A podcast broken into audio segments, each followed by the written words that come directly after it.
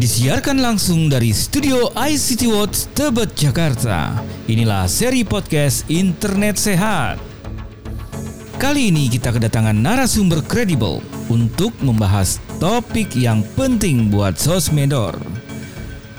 Mari kita sambut host yang keren selalu. Ovi Dwi Natalia dan Basra Amru.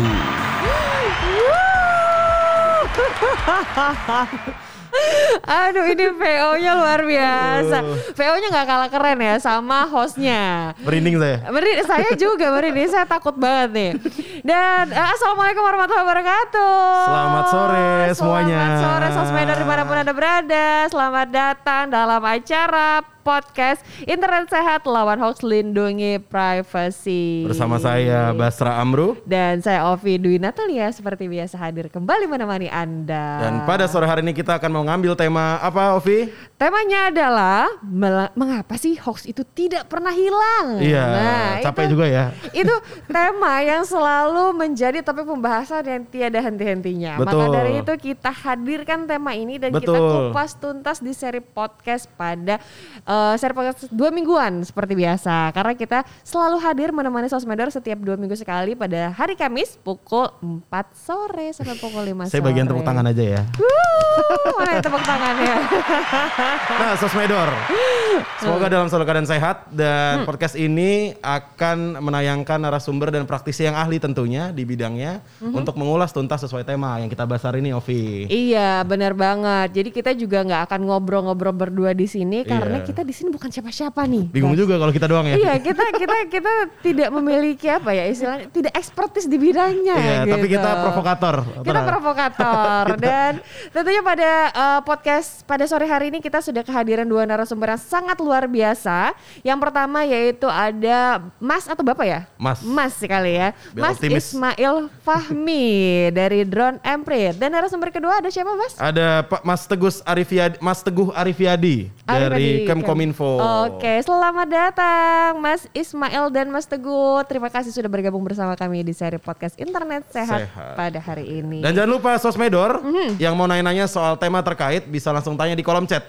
Ya. Dan penanya yang beruntung nanti akan dapat uang elektronik Ovi. Iya, benar banget. Jadi jangan lupa juga untuk selalu follow dan ikutin seluruh eh, sosial media yang kita punya, mulai dari YouTube, Instagram, Facebook, Twitter. eh, Twitter, terus ada Spotify juga untuk me- mendengar ulang seri podcast ini karena eh, setiap harinya kita akan memberikan informasi yang menarik dan pasti akan memberikan hadiah dan kejutan untuk sosmedor di luar sana. Betul. Dan podcast ini juga diinisiasi oleh ICT Watch bekerja sama dengan WhatsApp dan tentunya dengan Kementerian Komunikasi dan Informatika. Dan gak lupa Ovi, Hmm. ini didukung juga oleh KPCPEN, Kementerian Pendidikan dan Kebudayaan, Siberkreasi, Relawan COVID Nasional Kemendikbud, Relawan TIK, dan juga UNICEF. Indonesia. Wih, keren juga ya Keren keren keren Itu keren. kayak gak keren. janjian tadi tuh. Iya nggak janjian. Bas Bas kamu ngerasa nggak sih eh, kalau misalnya belakangan ini sering banget nih eh, apa ya kalau kita ngelihat dengan perkembangan teknologi kayaknya hoax ini makin banyak dan makin masif. Iya betul banget Ovi dan ini Hmm. bicara tentang perkembangan teknologi ya nggak cuma tentang informasi yang benar. Hmm. Kadang hoax ini juga jadi banyak tersebar. Nah bahkan kata yang bilang bahwa hoax itu lebih cepat 20 kali lipat dibanding informasi yang benar atau klarifikasinya. Nah itu dia karena mungkin kemudahan dengan kayak tap-tap aja gitu ya. Terus dengan adanya grup WhatsApp, kemudian ada grup-grup keluarga lainnya. Atau mungkin sosial media juga jadi kayak seakan Memfasilitasi. ya. memfasilitasi kemudahan memberikan informasi itu sendiri. Iya, dan data dari patroli cyber Ovi Hmm. bahwa terdapat 2.817 penyebaran konten provokatif. Kayak kita ya provokatif ya tadi ya. Hmm. Wah. Beda ya. Kita provokatifnya positif sih gitu. Nah, tetap. apalagi kalau berita yang tersebar ini dan belum Nah. jelas kebenarannya, ini bisa nyentil perasaan.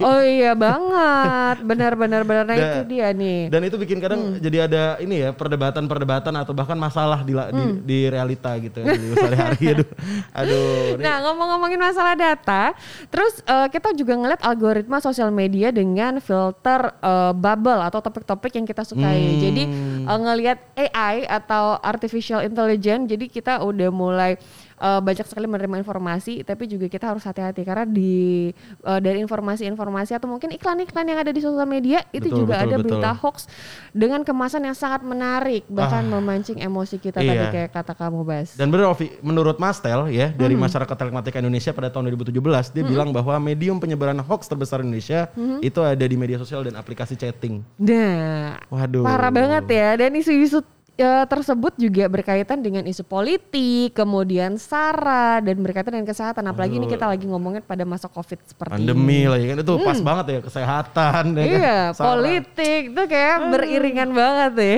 Ya, maka itu kita perlu banget nih Ovi buat kritis di masa sekarang ini, Hmm. terutama di masa pandemi. Ya, karena banyak banget terutama nggak cuma pandemi, WHO bilang ada yang namanya infodemi. Infodemi, karena semakin eh, kita tahu bahwa eh, pandemi ini berbahaya, tapi informasi yang kita dapat juga bisa jauh lebih berbahaya, namanya infodemi gitu ya.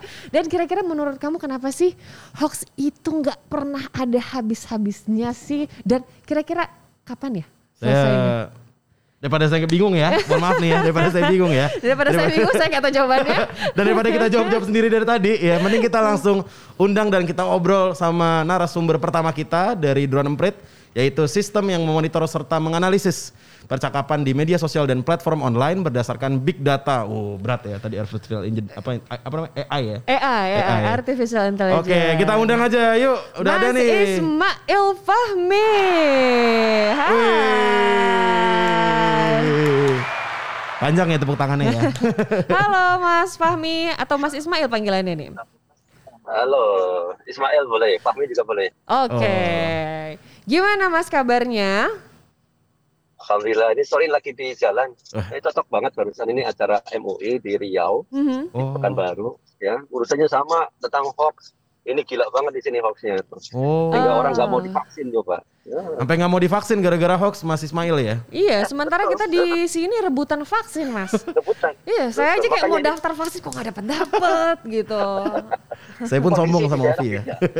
iya. Ya, kondisi di daerah ternyata berbeda itu. Iya, berbeda ya, berbeda daerah, berbeda pemikiran juga. Jadi kita juga harus bersosialisasi bersama-sama nih. Dan terima kasih loh Mas Ismail eh, sudah menyempatkan waktunya di tengah kesibukannya untuk bergabung bersama kami di sini di seri podcast Internet Sehat. Dan pada hari ini kita akan tanya-tanya. Betul. Kita bakal interview ya. Kita akan eh, kita Apa? gali. kita gali dan kita kupas tuntas hal-hal yang berkaitan dengan hoax ini nih Mas Oke, Ismail. betul sekali. Dan tadi pertanyaan Ovi buat saya Mas Ismail, saya nggak bisa jawab. nah mungkin Mas Ismail bisa jawab nih. Pertanyaan pertama dari saya atau dari Ovi tadi. Kenapa hoax tidak ada habisnya Mas? Eh, hoax tidak ada habisnya. Ini sebetulnya kan kalau kita lihat ini cerita udah zaman keberadaan manusia kan. Ya. Hmm. dari manusia zaman dulu sampai sekarang tentang informasi yang nggak benar, bagaimana Adam dan Hawa zaman dulu kan, ya, gimana Hawa bisa ditipu sama iblis supaya mau turun ke bumi. Nah itu Oh, contohnya iya. itu. Artinya kita seusia manusia kita nggak nggak akan mungkin misalnya menghilangkan hoax sama sekali. Jadi kita harus hidup bersama itu. Cuma bedanya adalah bagaimana kita bisa membangun eh, kekuatan ya kesadaran masyarakat sehingga mereka bisa bisa menghadapi mereka bisa memilih bisa memilah saya kira Hmm. itu jadi jadi ini manusia sebuah seusia manusia ada di bumi ini Oke, jadi bahkan sebelum di bumi ya. Aha. Jadi intinya kita Ya. tidak akan pernah terlepas dari yang namanya hoax gitu ya Mas Ismail ya. Jadi kembali ke kita Ya, lagi betul. bagaimana kita menjadi saringan yang baik untuk Milah tadi kata kuncinya tadi. Milah. informasi. Iya, aduh. berat banget ya kalau Tapi kalau ngomong sama misalnya nih, praktisi kalau- gitu ya. Hmm, gimana Mas? kalau kalau kita lihat misalnya itu alasan yang eh, lebih real lah sekarang ini kenapa Hmm. sekarang kok orang membuat hoax itu Ya. alasannya macam-macam ya Eh, ada keyakinan ya ada karena ke polarisasi ya ada kemudian kekhawatiran ketakutan. Hmm. bisa juga karena tiadanya informasi yang lengkap. Itu membuat orang akhirnya ber- berspekulasi. Contohnya vaksin eh, sorry COVID-19 Ya. COVID-19 pada awal kita belum pada tahu kan? Nah Hmm. pada saat itu muncul eh, desas-desus informasi. Peneliti pun ketika ditanya mereka nunggu penelitian kan? Iya, jadi belum bisa ngasih penjelasan. Misalnya masker aja ini. Iya. WHO awal-awalnya belum bilang itu wajib ya. Masih Iya, iya, iya. masih belum diharuskan. Lama baru belakangan ada Nah Hmm. ini misalnya masa masyarakat kemudian disalahin, ya. kemudian Hmm. mereka nggak per- nggak percaya pemanfaatnya si masker. Karena kita sama waktu itu kita belum tahu informasi yang lengkap seiring dengan perkembangan eh, apa riset dan waktu baru kita tahu manfaatnya masker, bagaimana cara kerjanya si virus dan Hmm. seterusnya. Nah, pada saat belum adanya informasi itu, masyarakat tuh butuh namanya pegangan. Ya. Hmm. I Kenapa ini terjadi? Apa yang terjadi? Ketika Hmm. pegangan itu nggak ada, seperti orang itu eh, apa, keban- apa kena banjir ya, eh, Hmm. drowning apa, ya, tenggelam ya. Ya, Dia ya. akan cari pegangan. Jadi meskipun itu pegangan itu lemah, misalnya kayak rumput aja, itu pegang itu. Hmm. Jadi informasi yang yang yang yang salah, teori konspirasi, selama itu bisa menjelaskan pada pikiran dia, inilah yang terjadi. Ini loh Hmm. COVID kena ini. Bahwa ini terjadinya karena misalnya dari dari Wuhan, dari ini pakai teori konspirasi, Hmm. apa pun yang penting masuk akal dia, dia pegang itu. Ya, ya, Jadi itu makanya ini yang membuat eh, ini salah satu ini baru satu contoh aja. Kenapa Oke. hoax eh, bisa muncul ya? Ketiadaan informasi yang lengkap itu me- menjadi satu gap untuk diisi oleh teori-teori konspirasi. Gitu. Ini ini itu baru penjelasan konspirasi. Itu Belum baru kulitnya doang tuh. Iya, karena Baru. kalau misalnya Oh, kita orang Hmm. orang tidak percaya sama pemerintah misalnya, oh dibuat kebijakan pemerintah cari aja kulitnya kesalahannya apa dibikin. Jadi Iya. banyak eh, kalau alasan kenapa itu terjadi. Oke, Iya, iya. oke, oke. Berarti masalah referensi. Masalah referensi dan kira-kira kalau tadi kan udah masif banget ya, mulai dari eh, kesehatan, Betul. politik tadi juga udah dijelaskan. Kira-kira perkembangan dan penyebaran hoax dari waktu ke waktu di Indonesia ini sebenarnya seperti apa sih eh, gambarannya sekarang, Mas?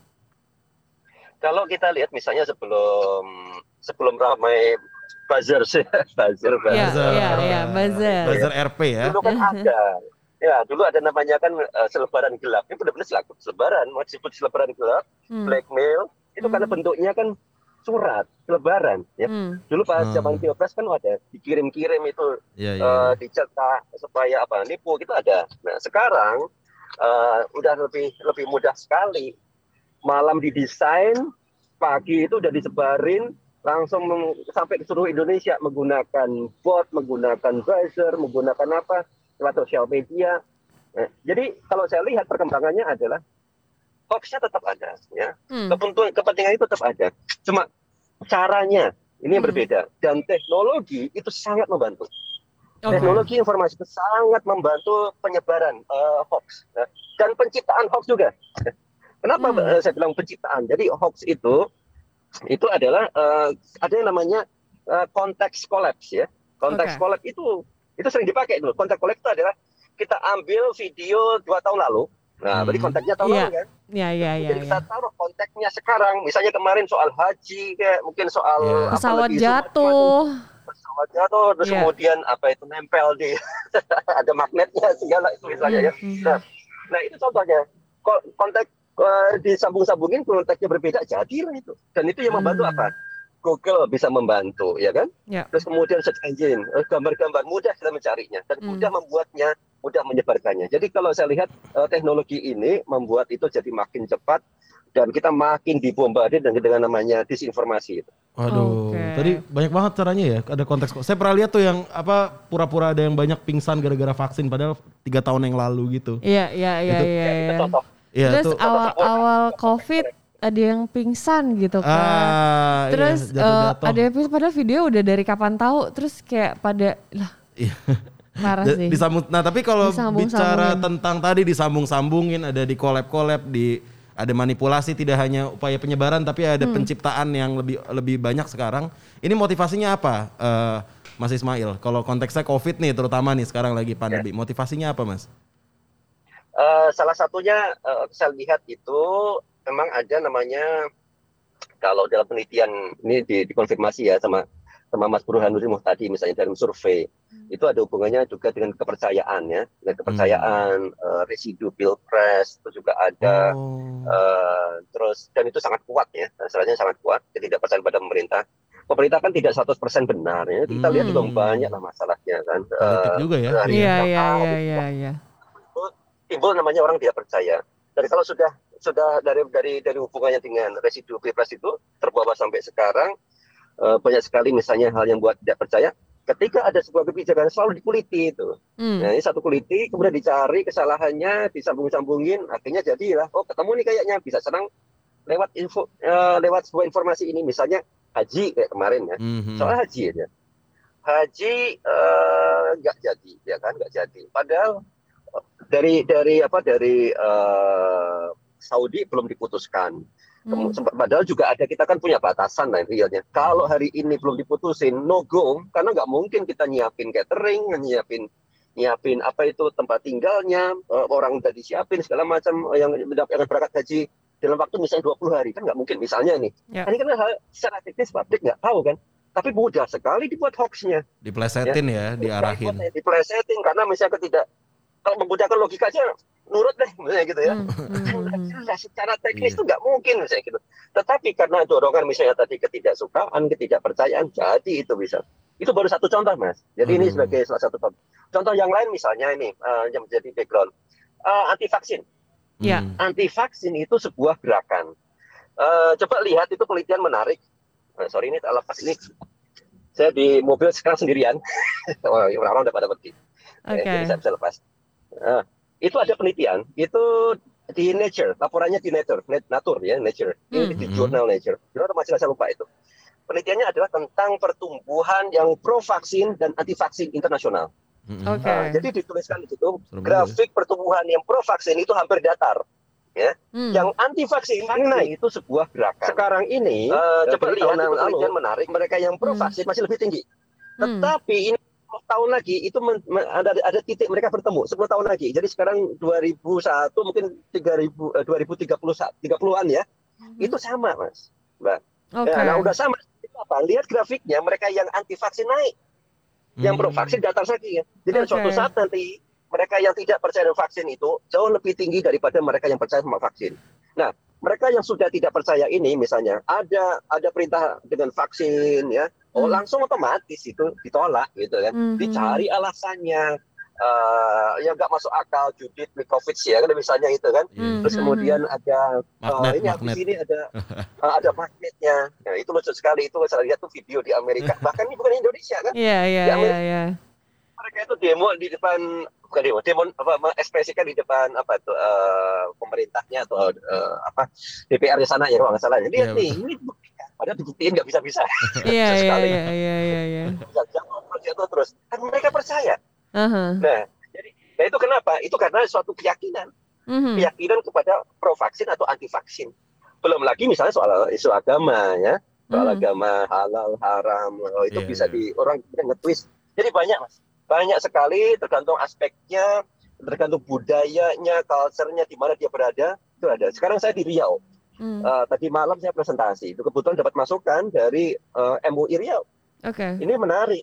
Eh, pada saat mau dilakukan vaksin itu ada di GOR Gelanggang Olahraga di sini Hmm. udah siap tuh diserbulah itu eh, di grup-grup WA itu eh, anti vaksin bahwa Ah. vaksin itu Oh. bisa bikin sakit vaksin ini bikinan Cina dan segala macam itu yang sulit akhirnya yang datang siapa yang datang itu banyak non muslim semua karena mereka nggak tahu mereka semangat Oh. yang muslim sedikit sekali yang datang padahal ini Iya. mayoritas muslim di situ Iya, Jadi iya, sebagai iya. contoh. Oke. nah, ini kalau kayak gini penjelasannya dari mana ya kan Hmm. Eh, yang banyak nyebar dan banyak yakin adalah tokoh agama juga di sini. Mereka dapatnya dari mana? Kita nggak tahu. Makanya ini Ya. harus ditelusuri. Apakah ada sengaja atau memang karena keyakinan-keyakinan tadi? Mhm. Gitu. Hmm. Oke, tadi kan sebenarnya banyak sekali ya pemaparan yang sudah dijelaskan oleh Mas Ismail yang ditemukan di lapangan secara nyata gitu. Nah kira-kira dari banyaknya kasus hoax, kira-kira di medium manakah hoax itu yang paling mudah berdampak ke masyarakat dan kira-kira bagaimana kita sebagai masyarakat nih bisa mengajak saudara dan teman-teman kita atau mungkin orang tua kita untuk tetap kritis dalam menerima informasi. Iya, betul sekali. Gimana tuh Mas Ismail? Ya, saya kira itu dari WA ya WhatsApp gitu. Wah. WhatsApp, Oke. tapi dapatnya dari mana? Dari Relate media sosial, Mhm. Ya. dari media sosial. Nah, kalau sudah diambil dari media sosial masuk ke WhatsApp dan bos masalahnya apa? Kenapa WhatsApp eh, atau grup-grup itu sangat powerful? Biasanya di dalam grup itu kan grupnya eh, homogen ya. Ya. Hmm. kelompok Hmm. pengajian saja, alumni tertentu saja, Ya, ya. ya, itu apalah gitu ya. Jadi eh, macam-macam grupnya ya. Ada yang juga grup eh, sesama apa eh, suku agama, eh, suku tertentu misalnya, oh ini kita kan kuat-kuat nggak kan mungkin kena oh, misalnya gitu. Jadi begitu begitu ada informasi tentang vaksin atau COVID ini nggak bisa nggak percaya. Narasinya adalah narasi-narasi yang sama di situ. Dan Hmm. biasanya tidak ada orang yang berani melakukan counter. Atau orang yang rajin melakukan counter pun kadang-kadang capek Oh iya Iya. benar. saya sendiri, saya sendiri ikut Benar-benar. banyak grup dan di situ itu ada yang namanya hoax hoax itu saya termasuk sering mendibang kan saya itu kan udah capek kan. Misalnya ya udah saya bikin di media sosial.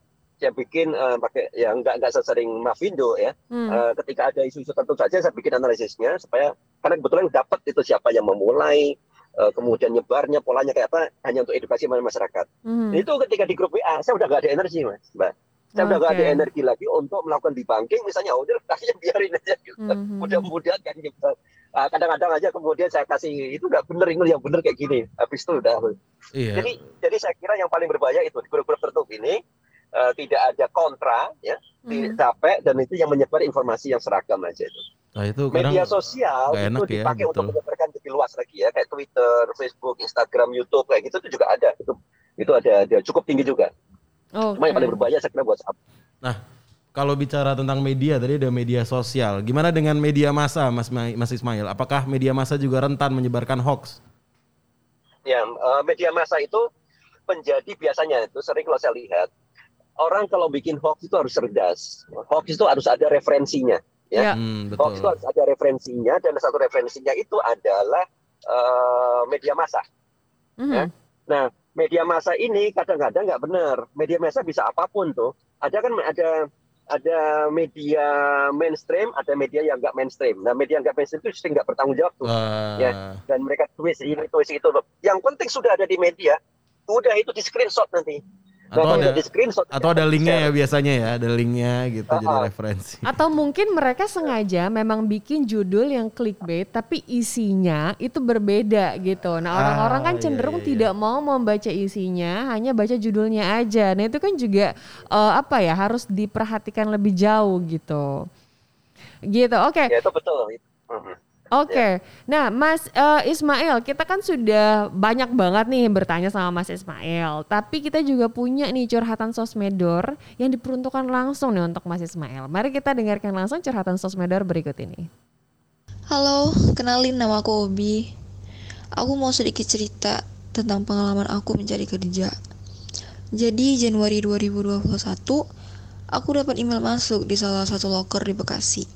Karena masa pandemi dan aku juga lagi butuh kerjaan, aku langsung pesan tiket dari Medan untuk berangkat lusanya. Tapi setelah aku cross check dari berbagai sumber, ternyata itu info loker nggak benar. Perusahaan aslinya nggak ada buka loker untuk tahun ini. Sampai sekarang aku jadi bingung bedain mana loker resmi dan loker hoax. Dan sampai sekarang aku belum berani melamar kerja di mana pun.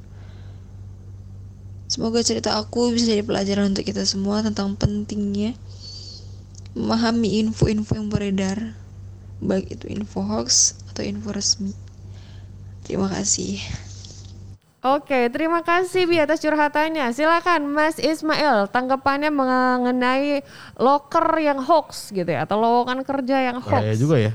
Bahaya banget Iya. karena kita diminta duit dulu biasanya disuruh terbang dulu lah, disuruh kasih apa dulu. Nanti gimana tuh Mas Ismail?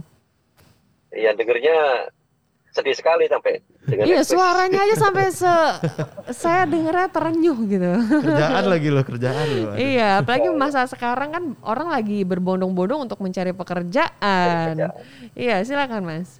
Jadi gini, sebetulnya kalau informasi kerja eh, institusi tertentu itu relatif lebih mudah harusnya ya, relatif lebih mudah untuk cross check. Syaratnya ada kemampuan untuk eh, analitik sedikit gitu ya, ya. Misalnya, eh, search- jadi nyari di Google, dia nyari di Google info lokernya. Tapi makanya harus dikasih tahu kan, misalnya oke ini kaitannya dengan info locker, itu ada ada perusahaan atau situs yang yang apa itu eh, yang sudah dipercaya ya dan dia artinya usia sudah lama sudah dipercaya sudah ada testimoni dan tidak ada misalnya eh, catatan jelek Hmm. jadi saya misalnya nih eh, nama info lokernya apa? Kan pasti kan ada bukan hanya info loker berapa tapi kan ada misalnya dari dari agensi apa kan gitu misalnya ya. Nah search dulu nama agensi itu. Jadi sumbernya dicek ini bonafit nggak? Bisa dipercaya atau tidak? Betul. masukin di Google ketahuan. Misalnya kalau misalnya nih ada nggak ya komplain misalnya gitu? Hmm. masukin namanya itu kemudian komplain protes atau tipu ya masukin di Google aja namanya nama nama agensinya kemudian ada tulisan kata kunci tipu aja misalnya tipu menipu atau ditipu misalnya nah kalau ada cerita seperti ini nanti di Google akan ketemu Hmm. jadi sebagai contoh begitu ada cerita itu oh ternyata ini penipuan Dan teknik ini sebetulnya bisa dilakukan bukan hanya untuk evaluator, apa pun, Hmm. termasuk jurnal. Nah, Ini jangankan yang ini cari kerja, ya. Eh, mereka yang di bidang akademik itu ada namanya eh, predator, jurnal predator. Kan Hmm. sekarang itu sama pemerintah orang melakukan penelitian, ini kan diminta harus membuat tulisan dan harus segera publish di jurnal kan, Iya, dan harus betul. selesai. Ya, nah, mereka harus sibuk nyari nih. Nah kemudian ada jurnal-jurnal dikirimin, Hmm. Eh, silahkan nanti masuk jurnal ini namanya keren, pokoknya namanya keren, bla bla bla segala macam gitu. Hmm. Nah, nah orang karena nggak ngecek, sering masuk ke sana ternyata apa disuruh bayar segala macam, ya masuk sih, tapi itu tipuan, nggak ada gunanya. Termasuk ternyata jurnal predator. Padahal kalau nyari, masukin aja nama jurnalnya, kemudian eh, spasi predator misalnya gitu. Pasti kalau memang itu benar predator, itu biasanya sudah ada pernah melaporkan. Sudah ada daftar yang Hmm. kemudian membuat list bahwa jurnal ini predator misalnya. Kalau sudah ada masuk daftar seperti itu, ada orang yang komplain, ya jangan. Produk Hmm. juga sama kan, Hmm. investasi juga sama. Hmm. Jadi untuk apa pun relatif harusnya relatif lebih mudah kalau kita mau cross checknya dengan cara tadi. Eh, sama ini misalnya juga kayak ini bisa di eh, Bukalapak, Tokopedia orang jualan tertentu kan bisa dicek nih. Eh, ini benar nggak sih ini jualannya? Ya lihat testimoninya, kemudian search di Google atau di mana benar atau enggak gitu. Ya, Kadang-kadang orang ya. suka komplain kan gitu. Saya kira itu yang yang mungkin eh, menjadi bekal bekal ya, sangat sangat penting bekal ini sederhana, sangat penting tapi bisa menyelamatkan kita. Saya Oke. sendiri sering melakukan itu untuk me- mengecek apakah sesuatu itu valid atau tidak. Oke, nah itu juga harus dijadikan kebiasaan juga nih untuk Habit. sosmedor di luar sana. Betul. Setiap hal apa pun ketika mau ngapain harus di cross check itu adalah hal yang paling penting dan nomor satu untuk selalu kita Iya, ingat. jangan sampai udah berangkat lagi. Aduh. Iya, sekarang kadang-kadang biasanya yang dipengaruhi yang suka tertipu itu adalah adanya pengaruh dari emosi dan pikiran dia. Jadi tidak stabil nih kontrol emosinya karena di pikirannya oh ini aku mau dapat pekerjaan gitu. Emosinya udah terpacu aku udah pekerjaan, ini segala macam. uang, apa dapat uang cash gitu-gitu kan. Iya, dapat uang cash, dapat ya. handphone, dapat TV dan lain sebagainya. Jadi dibangun emosinya di situ. Nah, Oke. kemudian kita selain ada sosmedor dari eh, dari yang sudah masuk tadi melalui rekaman, kita Betul. juga ada pertanyaan lain nih dari YouTube. Betul, Ovi. Ini pertanyaannya mewakili saya nih. Oke, apa tuh pertanyaannya? Ini pertanyaan Mas Ismail dari Atika Febrianita di YouTube. Sore Kak, mau nanya nih. Orang tua saya selalu share berita hoax di grup keluarga. Bagaimana caranya menyampaikan sekaligus mengedukasi mereka tanpa timbul rasa tersinggung? Terima kasih. Pakai emot. Ya. ya. Gimana Mas Ismail? Ya. eh, orang tua saya juga sama. Itu sering tanya akhirnya, sering tanya, le ini bener atau tidak gitu. Hmm, Eh, saya tuh teringat. Jadi kalau cerita orang tua ya, saya juga cerita orang tua ya. iya iya iya. Eh, tahun lalu itu saya udah ikut di banking. Eh, adanya eh, hoax bahwa di dalam vaksin itu ada, ada chips. Ingat ya, Ah. tahun Iya lalu. tahun. iya. Itu baik banget tuh. Kebetulan rame di Indonesia, pakai dua rupiah. Saya tahu itu siapa yang mulai Hmm. untuk yang di media sosial ya, yang nyebarin siapa, yang berdibang, berdibang siapa, akun-akunnya yang banyak nyebarin siapa saya tahu gitu. Hmm. Itu kan udah lama. Tapi kemarin baru bulan lalu ditanyain lagi, eh, minggu lalu tanya bapak siapa, le ini bener gak? Ini kan perasaan udah lama ya, Tapi nyebar lagi. Muter lagi ya. Muter lagi. Nah itu Hmm. artinya bisa kok kita siapa pun, nggak peduli siapa pun bisa jadi kena orang tua kita, atau Betul. orang terdekat kita kan gitu ya. Nah Betul. eh, caranya kalau kalau kita mau melakukan debunking itu itu menarik. Baru saja tadi malam itu saya eh, saya, saya saya jelaskan itu kan di forum MUI ya masih selama Indonesia itu ada fatwa. Jadi fatwa muamalah media sosial itu Hmm. tahun 2017 dan itu ada satu ada beberapa metode untuk melakukan verifikasi atau klarifikasi eh, tabayun ya kan jangan Hmm. menyerang ya. Hmm. tanyakan baik-baik jadi kalau di dalam grup WA jangan pernah bertanya menyerang mengoreksi di grup Hmm. Jangan. Oke. tapi japri japri aja Oh. ngobrol japri kalau perlu telepon orang tua telepon pak ini gimana ceritanya kok kayak gini gini Wah, misalnya tanya dulu bapak dapatnya dari mana gitu bapak tahu gak itu yang bikin siapa ya misalnya gitu ya tapi kan Hmm. karena ngobrolnya berdua jadi kan orang tua akhirnya dengan cara baik-baik orang tua kan nggak malu Hmm, yang sering bikin masalah itu adalah entah itu orang tua saudara itu kita itu kadang mengklarifikasinya selalu keras Hmm. Betul. memaluk mempermalukan mereka itu di grup Hmm. ya di grup keluarga dipermalukan pasti nggak enak lah Iya, Betul, betul, kan betul, benar betul. benar. Sepakat, sepakat, Itu aja sepakat. misalnya. Ya itu di, di, di fatwa MUI saya juga baru tahu kemarin pas disuruh nyiapin. Oh, udah ada ini cara Udah bagus. ada ya. Mhm. Itu udah ada metode di fatwa MUI itu ada itu pertama metode kalau kita mau tabayun itu kan contoh tabayun kan Betul, tanya Iya. ke orang tabayun. tua jadi jangan langsung ingetin dulu Eh, Hmm. ini kenapa dapatnya dari mana itu tabayun ya caranya ya, eh, langsung lah gitu jangan memalukan misalnya gitu mempermalukan ada lagi di situ eh, saya sekali tahu lebih luas lagi ya di fatwa itu. Ada tentang bagaimana kita membuat informasi. Bagaimana Hmm. kita melakukan debunking. Bagaimana Hmm. kita menyebarkan informasi. Informasi yang harus diperiksa segala macam. Ah, lengkap ternyata tahun 2017 itu ya. dan itu saya kira itu kan dibuat barengan saya kira masukannya dari berbagai pihak ya. Dan itu sudah bagus. Tapi in short ya in short terkait dengan pertanyaan tadi Mhm. adalah eh, kita bicara ini semua itu saudara ya Prinsipnya itu kita merangkul ya jangan memukul itu yang harus diingat Kita kalau kita merangkul, melakukan jangan debunking, memukul. kita merangkul jangan memukul Ya. seringnya kita entah itu di di apa di di eh, di Facebook di Twitter di mana-mana ketika ada orang melakukan hoax kita merasa udah tahu bahwa itu hoax kita pukul mereka Hmm. kita Iya, buat iya. tulisan kita nggak mention sih nggak ini ada pendapat seperti ini bla bla bla bahwa pendapat itu X Y Z dan seterusnya tapi Hmm. menyakitkan Hmm. ketika dibaca itu buat yang yang membuat hoax tadi Jadi nggak jadi nggak paham ya. Benar-benar berarti kembali lagi ke pendekatan masing-masing ya. Nggak nyambung jadi nih. Iya. Ha, ha, ha. Nah, dan jadi cara apa pun sebetulnya eh, siapa pun ya kita harus harus sopan ya harus baik Oke, oke, Mas. eh, untuk pertanyaan kedua nih, Mas Ismail, mungkin bisa dijawab secara singkat saja. Kira-kira bagaimana sih eh, cara kita sebagai pelajar agar dapat memilah sebuah berita agar tidak mudah terdistract dengan isu atau berita-berita hoax yang tersebar di luaran sana? Ini pertanyaan dari Taza. Pelajar Silahkan. nih. Pelajar. Pelajar. Pelajar ya. Suka belajar nih. oh pelajar masih SD SMP SMA gitu ya TK juga. untuk belajar ya mau Masih belajar baca kak, katanya gitu. ini, ini, ini betul ya dan saya saya baru ini kalau soalnya mempelajari namanya uh, the digital citizenship itu sebuah kurikulum uh, dari common sense nah, itu diajarin mulai dari PAUD betul dari playgroup Ya. playgroup itu mereka diajarin uh, menentukan bahwa oh ini konten buat orang dewasa atau konten buat dia Eh, jadi ketika konten itu buat orang dewasa stop jadi baru itu dulu itu bu- untuk pendidikan untuk level PAUD Iya. oh ada Iya. ya. jadi bukan hoax dan ya baru situ aja. Nah, nah baru kemudian buat eh, pelajar di situ ya eh, untuk mengetahui supaya nggak distracted itu sebetulnya sama mereka itu harus diajarin cara mencari sumber informasi sama prinsipnya Hmm. sebetulnya Oke. yang dilakukan oleh Mavindo dan si berkreasi prinsipnya itu lihat sumbernya benar atau tidak valid atau tidak kan gitu ya terus kemudian ini eh, coba gunakan Google ya Mhm. klarifikasi cek di situ ada nggak orang yang sudah komplain tentang sebuah informasi itu ada nggak orang yang sudah menunjukkan bahwa informasi itu salah misalnya ya kan Mhm. konteks sebuah informasi gimana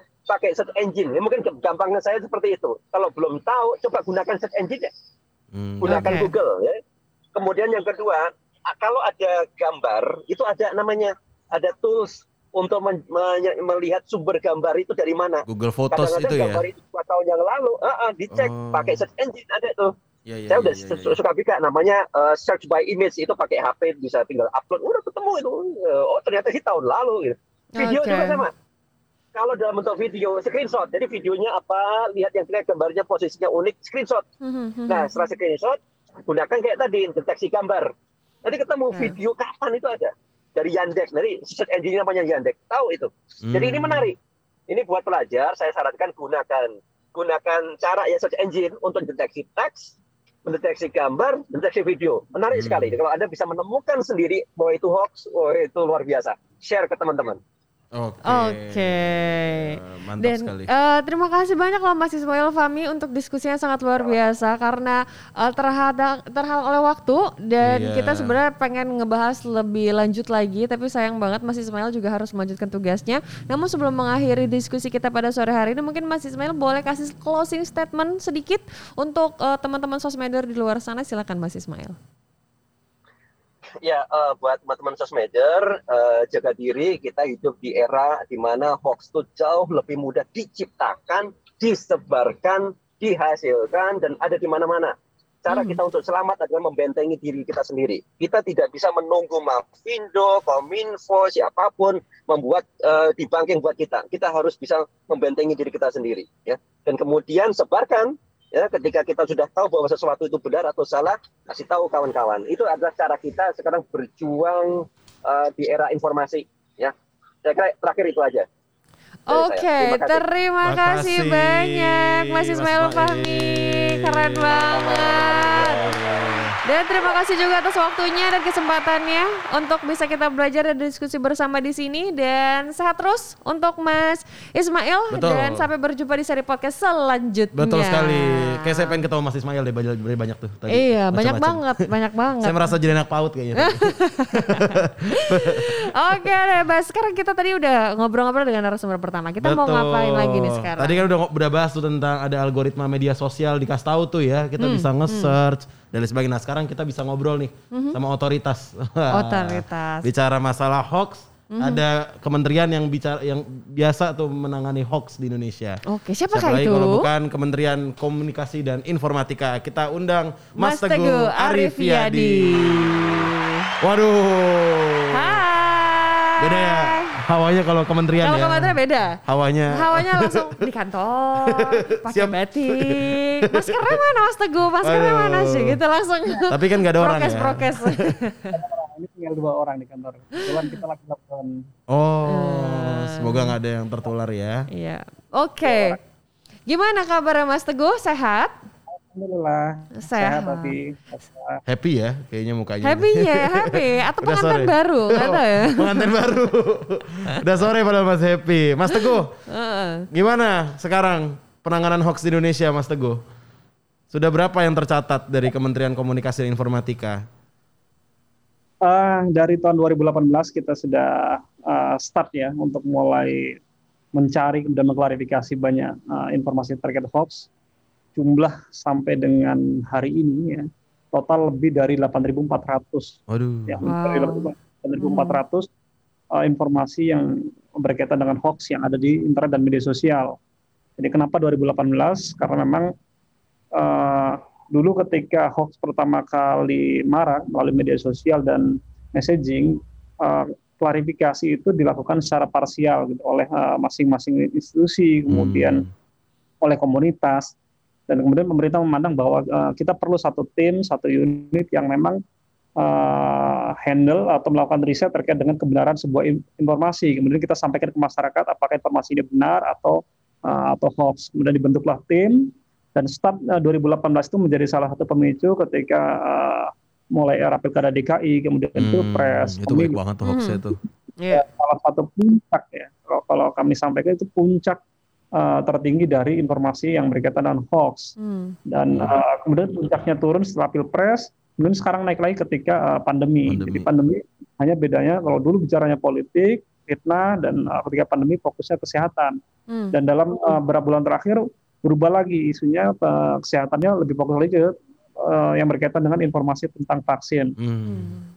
dan itu eh, sangat meresahkan gitu. Dari 1000 eh, 1600-an hoax terkait dengan kesehatan, lebih dari 100 eh, berkaitan dengan eh, informasi yang salah terkait dengan vaksin.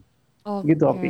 Oke, Mas, aku pengen nanya lagi. Tadi kan eh, berarti kan isu hoax itu beredar dan masif-masifnya ketika ada informasi yang sedang berkembang pada saat Iya, itu. Ada sebuah momen ya. Ada momennya di situ, bener banget. Nah, kira-kira di medium manakah nih hoax itu yang paling banyak ditemukan selama ini? Ya, eh, dari eh, proses pencarian kami di strategi kami memang paling banyak adalah di messaging ya, khususnya misalnya WhatsApp.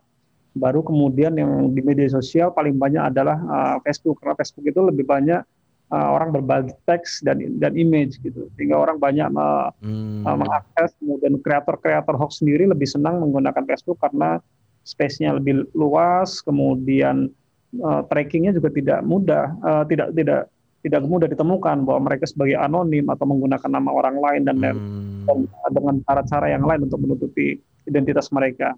Jadi uh, dari WhatsApp Facebook baru kemudian yang lain Instagram. Tapi dari WhatsApp dan Facebook sendiri uh, bisa dikatakan hampir 90% beredar di di area situ baru sisanya media sosial yang lain. Wow, angkanya tinggi banget, hampir 90 persen. Mas Teguh gimana? Pusing tapi mukanya masih happy aja ya ngurusin hoax. Nah, tapi tapi kalau bicara WhatsApp, ada tadi ada Facebook, Ya. lalu tadi kita total akumulasi ada 8.000, 1000 sampai tadi 100 yang spesifik di vaksin. Ya. Kita bicara tentang literasi digital nih, Hovi. Oke. Sekarang gimana Mas? Ini kan dari Kominfo nih, sekalian nih kita tanya nih. Jadi perkembangan literasi digitalnya gimana? Dengan ada perkembangan hoax yang juga meningkat, apakah literasi digital di Indonesia juga membaik? Ya, literasi digital menjadi salah satu indikator ya, apakah eh, masyarakat kita memiliki pemahaman yang baik atau memiliki literasi yang baik terkait dengan eh, informasi dan eh, dan yang berhubungan dengan teknologi. Kalau kita bicara digital, sebetulnya eh, ukurannya adalah pada indeks. Nah, kebetulan eh, ini indeks yang dikeluarkan oleh eh, pihak swasta ya. Kalau di- dari kata data disebutkan bahwa indeks literasi digital kita dalam kategori sedang, jadi tidak Hmm. buruk-buruk amat. Kalau Ya. skalanya 4 kita dapat 3 eh, 3, koma sekian gitu. Ini kapan Mas Teguh? tahun 2020. Oh, 2020 baru. tahun Ya, lalu. dan, eh, dari indeks eh, kategori sedang ini sebetulnya eh, yang paling lemah kan subindeksnya banyak gitu. Kalau kita bicara yang paling lemah di situ kelihatan bahwa untuk informasi dan literasi data itu skornya paling lemah. Jadi ada empat subindeks ya, sama informasi dan literasi data, kemudian komunikasi dan kolaborasi, Mhm. security, keamanan dan kemampuan teknologi. Nah, paling rendah itu adalah informasi dan eh, literasi data. Ini ini yang berkaitan Ah. dengan bagaimana hoax menjadi Iya, benar-benar. eh, gampang masuk karena celahnya di I situ see. paling secara nasional eh, sebetulnya tidak eh, tidak terlalu buruk meskipun eh, belum mencapai skor baik sampai skala 4.0 misalnya. Oke, dan Iya. tentunya kita bekerja sama dengan Kominfo ini sebagai usaha untuk meningkatkan Literasi. eh, literasi digital di masyarakat Indonesia Tapi pastinya. terjawab ya, berarti masalah di literasi data dan informasi ya, Mas ya? Iya. Betul ya. Salah Kenapa? salahnya dari situ. Oke, nah terus tadi kita udah tahu nih banyak sekali masalah yang dihadapi oleh masyarakat terkait hoax. Kira-kira betul. cara untuk kita melaporkan hoax itu ke Kominfo tuh bagaimana sih? Dan Nah. kira-kira ketika kita udah ngelapor dari tim Kominfo ini merespon laporan seperti apa nih? Silakan Iya tuh, tuh banyak tuh yang nanya tuh. Emang kalau Iya. hoax ditindak lanjut gak sih? Gitu kan. Iya, nanti paling cuma lapor-lapor doang, kita nggak Ah. ditinjak lanjutin gitu. Julid ya kita ya. Kita mewakili para hoax yang penyebaran hoax. Tidak, tidak, tidak, tidak. Kita bercanda aja. kita sosmedor ya. kita sosmedor. Kita di sini berperan sebagai orang-orang yang itulah Ya. kurang edukatif ya Ya. untuk memahami masalah hoax ini. Silakan, Mas. Maaf ya Mas. Ya, eh, melaporkan eh, informasi terkait dengan hoax itu bisa melalui kanal kami ada namanya aduankonten.id. Mhm. Aduh, ada konten. akun medsosnya juga di Instagram, di Twitter, di Facebook, kemudian ada juga eh, melalui email dan konten at mail.kominfo.go.id. Mhm. Jadi eh, ada juga via WhatsApp juga nanti bisa dicek di aduankonten.id. Mhm. Intinya kita menghimpun semua laporan yang berkaitan dengan eh, hoax ini dari eh, berbagai pihak, tidak hanya masyarakat, tidak ada masyarakat, ada juga dari aparat penegak hukum, kemudian dari komunitas, kemudian dari instansi, kemudian dihimpun. Jadi pertama dikumpulkan, kemudian kita eh, pilah berdasarkan jenisnya. Ada eh, kami mengkategorikan 13 jenis hoax misalnya. Hmm. Eh, hoax berkaitan dengan isu 13. pemerintahan, kesehatan, politik, penipuan, isu internasional, terkait dengan mitos, terkait dengan kriminal, bencana alam, kesehatan dan lain-lain. Jadi ada 13. Kita klasterkan dulu begitu masuk klaster, Oke. baru kita cari kesamaan. Mhm. Apakah laporan-laporan masyarakatnya ada eh, ada kesamaan? Ketika ada kesamaan, kemudian eh, tim tim kami melakukan analisa atau riset eh, riset eh, kecil ya terkait dengan apakah informasi tersebut bisa ditentukan berdasarkan eh, pencarian mandiri apakah benar atau tidak. Kalau Hmm. tidak dan, harus mengklarifikasi ke pihak lain, maka eh, tim kami akan menghubungi pihak yang eh, punya kewenangan untuk menjelaskan. Karena Kominfo tidak ahli di semua hal gitu. Kita eh, minta pendapat. Dan memang eh, sulitnya ketika informasi ini berkaitan dengan sesuatu yang yang abstrak gitu. Mhm. Misalnya terkait dengan babi ngepet gitu, pocong. Kami tanya Iya. ke mana? Ini Iya. kan hal yang spesifik kami butuh eh, waktu. Informasi kesehatan saat ini kita bisa tanya langsung menjaga Kementerian Kesehatan, ke Satgas Covid dan lain-lain. Mhm. Termasuk juga informasi terkait vaksin.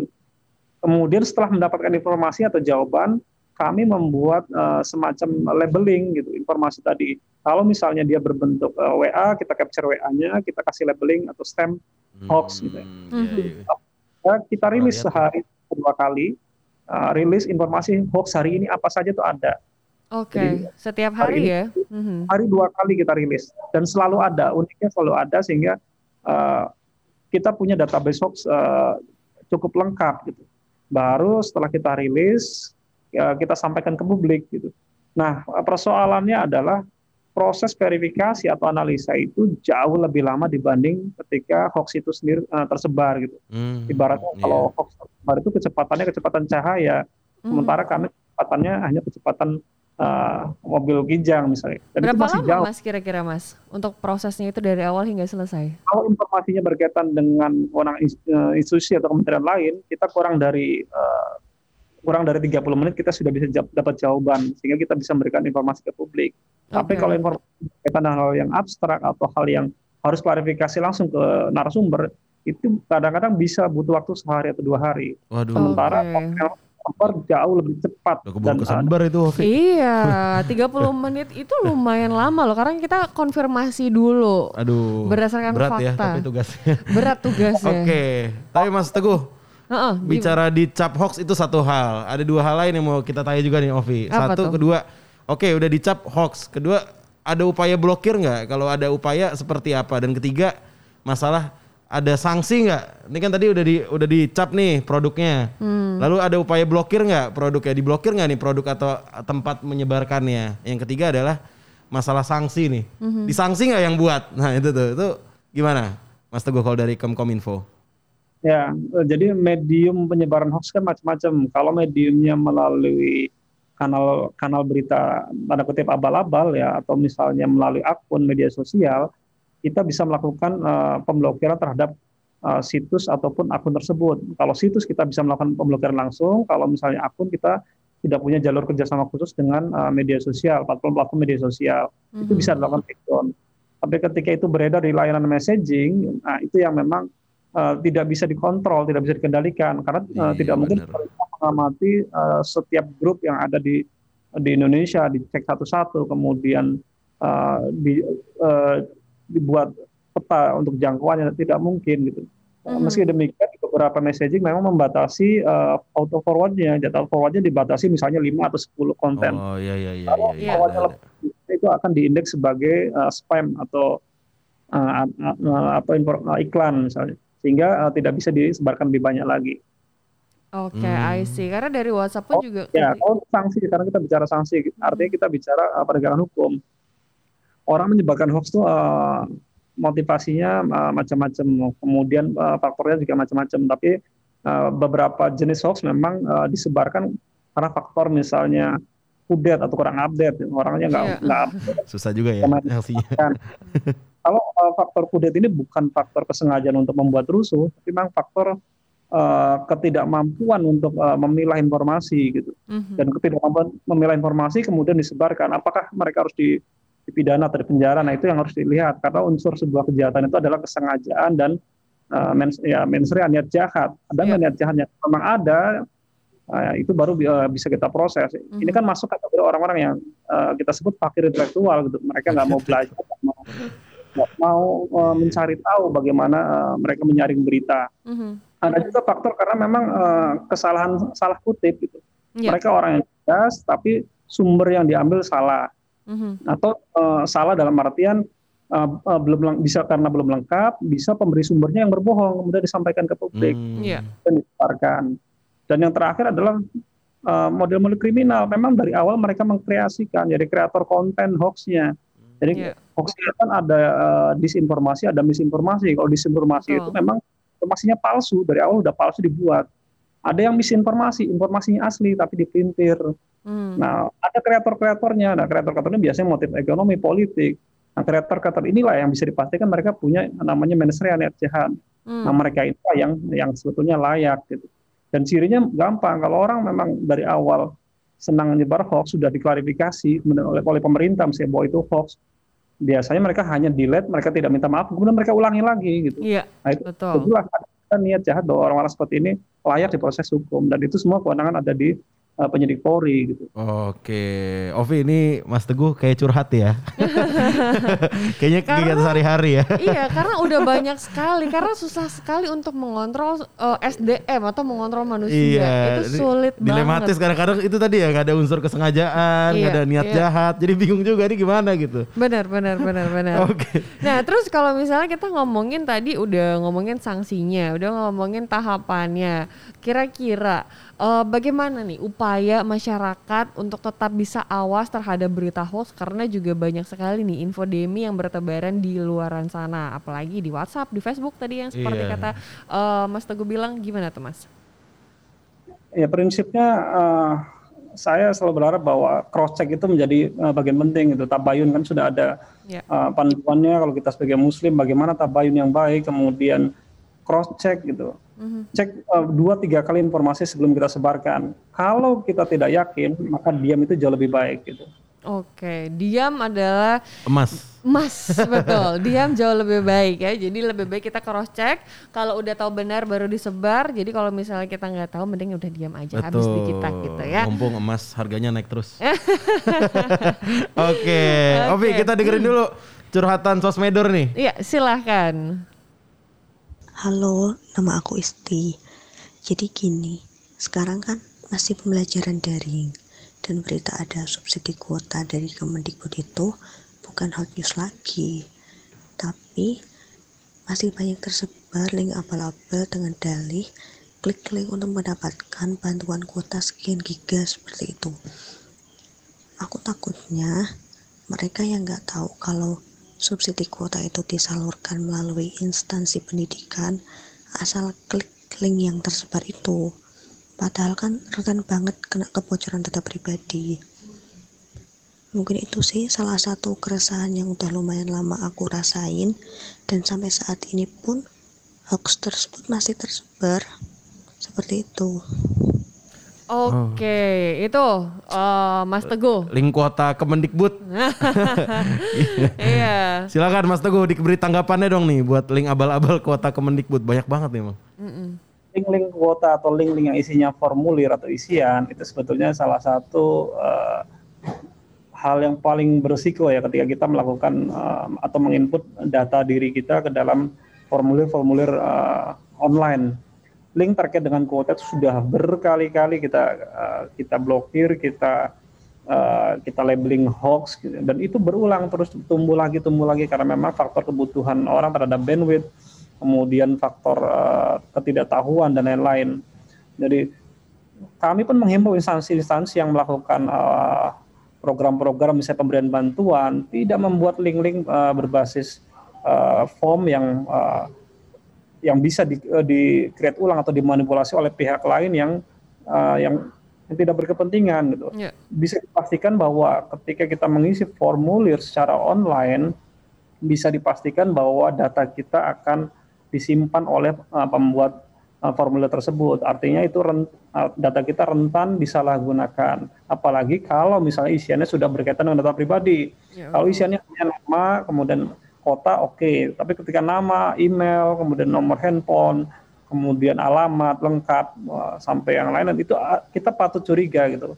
Formulir uh, seperti itu patut uh, dicurigai terindikasi uh, para uh, para phishing, phisher gitu, para pemancing. Dia akan mengumpulkan data kita, data kita dimanfaatkan bisa dijual, bisa juga dilakukan uh, diolah untuk uh, menipu dan lain-lain. Jadi uh, memang faktor uh, awareness dari masyarakat juga menjadi salah satu uh, faktor penting uh, agar konten-konten seperti ini uh, bis- bisa hilang atau bisa uh, diredam dengan pengetahuan masyarakat itu sendiri.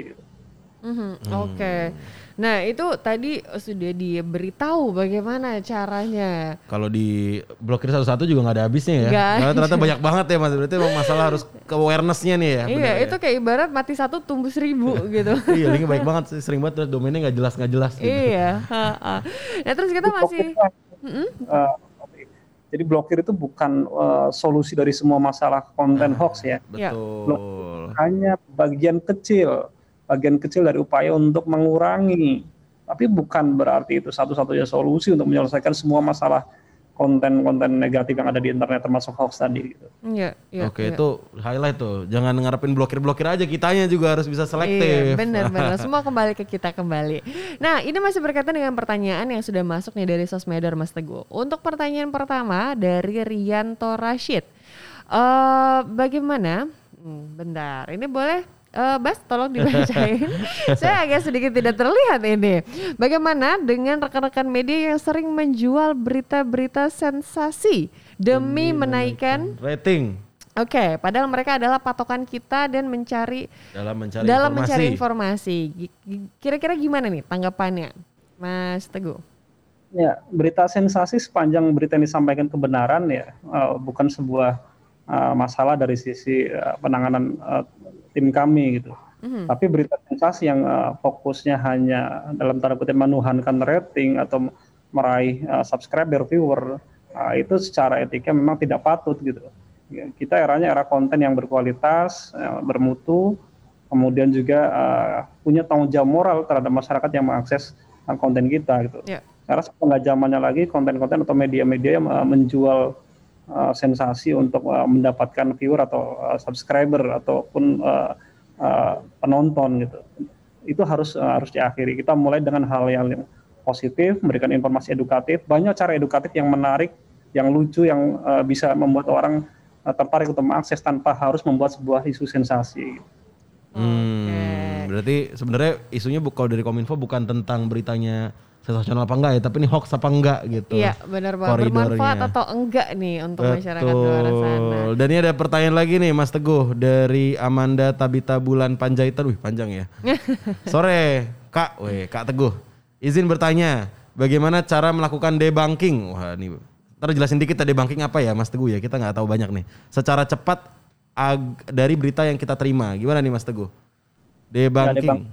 Debunking kan proses uh, fast checker ya, bagaimana kita mengecek sebuah informasi uh, benar atau salah. Tadi Mas uh, Fahmi sudah sampaikan gitu, kita nggak perlu menggunakan banyak tools gitu, kita gunakan mesin pencari pun uh, bisa menjadi salah satu tools yang paling paling powerful ya untuk uh, melakukan cross check terhadap satu informasi. Hmm. Karena uh, komunitas pemerintah uh, ataupun uh, uh, individu yang memang biasa membuat klarifikasi selalu terindeks atau uh, muncul di mesin pencari. Jadi kita tinggal masuk ke jenis kontennya, tinggal benar atau tidak, tambahkan kalimat benar atau tidak, hoax atau tidak, baru kita ketemu. Ada Google, ada Yandex, kita bisa memverifikasi juga apakah sebuah video ini benar atau tidak, atau sumber awalnya dari mana.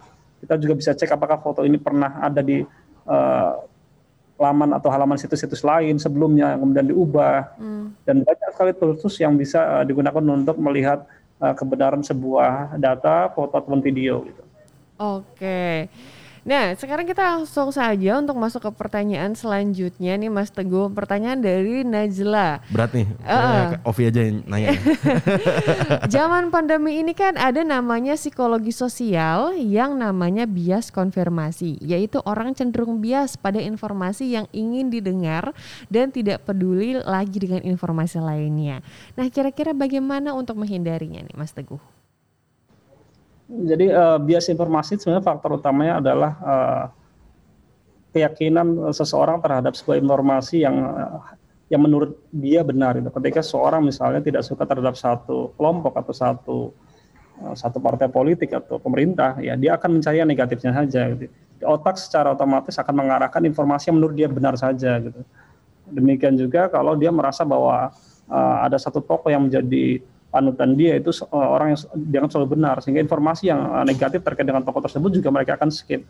Dia hanya akan mencari otomatis secara refleks dia akan memilih informasi yang menurut dia benar uh, atau menurut dia salah dia akan yakin itu salah. Dan itu bentuk polarisasi pikiran ya yang yang secara secara tidak sadar dilakukan oleh kita para pengguna internet dan media sosial. Uh, kita harus mulai membuka diri. Kalau tanya sarannya gimana, kita harus mulai membuka diri. Jangan-jangan apa yang kita yakini selama ini, selama ini itu, itu adalah salah.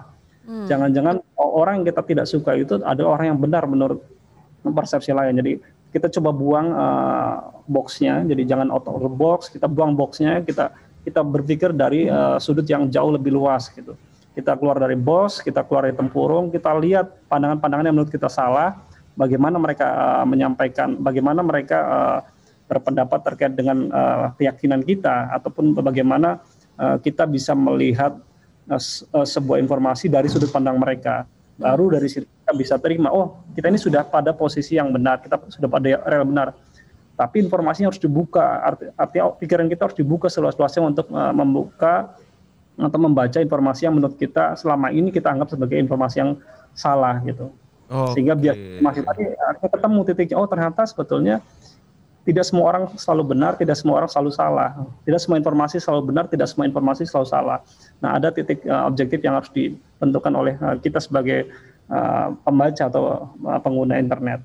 Oke. Mantap. Jadi di kan kita tuh oh, dalam menerima informasi harus melihat dari helikopter view. Jadi kita Betul. lihat dari seluruh penjuru Tadi arah. Ada quotes keren Ovi. Jangan lagi out of the box, buang boxnya. ya, buang boxnya, buang jauh-jauh ya. Oke. Oke, ini tanpa terasa kita udah ngobrol-ngobrol asik nih dengan dua narasumber yang sangat luar biasa. Dan sebelum kita mengakhiri diskusi, uh, Mas Teguh, saya minta closing statementnya untuk sosmedar di luar sana. Silahkan. Baik, uh, saya uh, izin saya mengutip sebuah hadis. Ya. Jadi mangkana yu'minu billahi fal akhir fal yaqul khairan aw. Kalau kita yakin terhadap beriman kepada Tuhan kita Allah dan hari akhir, maka berkatalah yang baik atau diam gitu. Di internet pun demikian. Kita lebih baik uh, lebih baik diam kalau kita tidak tahu uh, kebenaran dan kemanfaatan sebuah informasi. Jadi Eh, Rasul meminta kita menyatakan berkatalah yang baik bukan berkatalah yang benar. Karena tidak semua yang benar itu baik gitu. ada kalanya kebenaran yang kita sampaikan itu tidak baik bagi orang lain atau tidak memiliki manfaatan. Maka berkatalah yang baik atau lebih baik kita diam. Jadi diam itu menjadi salah satu uh, cara untuk uh, kita uh, memfilter terkait dengan konten-konten hoax atau yang tidak bermanfaat bagi masyarakat. Itu Ovi Oke, okay, terima kasih banyak Mas Teguh. Minta tepuk tangannya dong. saya, saya tadi bengong dulu ya, agak Waduh keren juga nih. iya. Dikasih hadis dengan penutupan uh, diskusi Waduh, kita. Mas Teguh terima kasih banyak atas waktu dan kesempatannya diskusi singkat yang sangat luar biasa. Aduh, Semoga kita bisa bertemu di seri podcast di lain uh, waktu. Di lain waktu dan di lain yeah, kesempatan. Di lain episode. Nah, kita kasihkan ngobrol. jadi kita udah lupa nih kalau misalnya seri podcast ini hanya satu jam aja. Hampir jadi, bablas. Hampir bablas gitu ya karena diskusinya sangat keren banget dan iya sebenarnya sayang banget ya kalau misalnya kita ngomongin masalah hoax ini dan upaya-upaya yang harus kita lakukan karena nggak cukup Gak selesai. Untuk satu jam. Gak cukup. kalau bisa kita contohin, ini hoaxnya nih. Iya. Ah, kalau bisa kita lihat-liatin. Ini hoaxnya nih. Ini hoaxnya nih. Saya ya. Oke. Okay. Okay. Nah tadi uh, Mas Teguh kan udah kasih tahu nih usaha dari Kominfo uh, terkait tentang isu hoax. Dia udah coba olah data, udah diterima, kemudian disaring dulu, dikonfirmasi dengan pihak-pihak yang berwenang, berwenang kemudian berkaitan. ketika hmm. sudah terkonfirmasi benar baru dipublish. Uh, dan itu biasanya membutuhkan waktu sampai 30 menit dan setiap harinya mereka mempublikasi dua berita terkait hoax. Nah, hoax. kemudian uh, itu tadi diskusi dari Mas Teguh. Kalau misalnya diskusi dari uh, Mas Ismail tadi gimana? Kalau dari Mas Ismail sih intinya tentang akses informasi, Ovi. Akses Jadi informasi. intinya masalah akses informasi ini potensi. Mm -hmm. Kalau kita nggak punya akses informasi itu jadi potensi orang bikin hoax. Betul. Dan itu digunakan untuk memanfaatkan keadaan uh-huh. untuk bisa mengarahkan ke satu kepentingan tadi, oh, bisa politik, ya. bisa kesehatan, dari macam-macam ya. Uh-huh. Dan kata kuncinya adalah bagaimana bisa mendorong akses informasi tadi uh-huh. dan bagaimana orang bisa mengakses informasi. Uh-huh. Itu tadi masalah bagaimana pakai search engine ya, ya kan. Dari PAUD tadi ya. Dari PAUD, Dari PAUD sampai SMA. Sampai SMA. kuliah ya, sampai kuliah. Sampai kuliah iya, ya. itu tantangannya adalah di sana Ovi untuk bisa okay. melawan yang namanya hoax. Oke, dan intinya uh, diskusi tadi dengan dua narasumber yang sangat luar biasa, tentunya semua kembali lagi ke kita, bagaimana Betul. kita bisa menjadi sosmedor yang baik untuk dapat mengkonfirmasi ulang informasi yang dapat kita terima dan kita sebarkan uh, secara baik dan benar. Gitu, Amin. Ya. Mari kita fastabikul hoirot, ya. berlomba-lomba dalam kebaikan.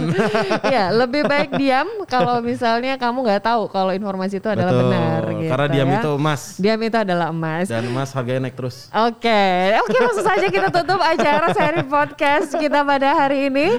Uh, terima kasih kepada sosmed yang sudah mengikuti uh, seri podcast internet sehat uh, karena kita setiap Kamis Setiap dua mingguan kita akan selalu hadir menemani sosmedor di luar sana dan dapat disaksikan langsung live dari YouTube. Kemudian juga dapat disiarkan ulang atau mungkin didengarkan ulang di Spotify. Cari aja eh, internet sehat dan jangan lupa eh, kunjungi juga di ICT Watch. Sorry, kalau untuk podcast di Betul. ICT Watch.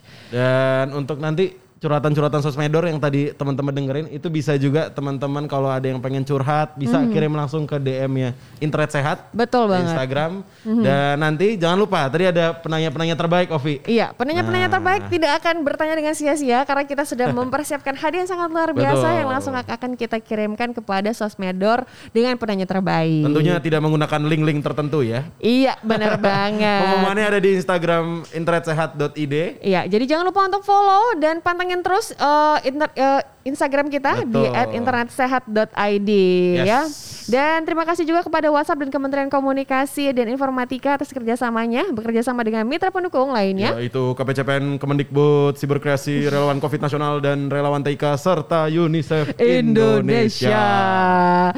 Dan eh, akhir kata, saya Ovi. Dan saya Basra. Mohon maaf apabila ada salah kata dan salah ucap. Salam Kami- sehat untuk semua dan sampai berjumpa di, Di seri seri podcast podcast Internet Internet Sehat Sehat selanjutnya. selanjutnya.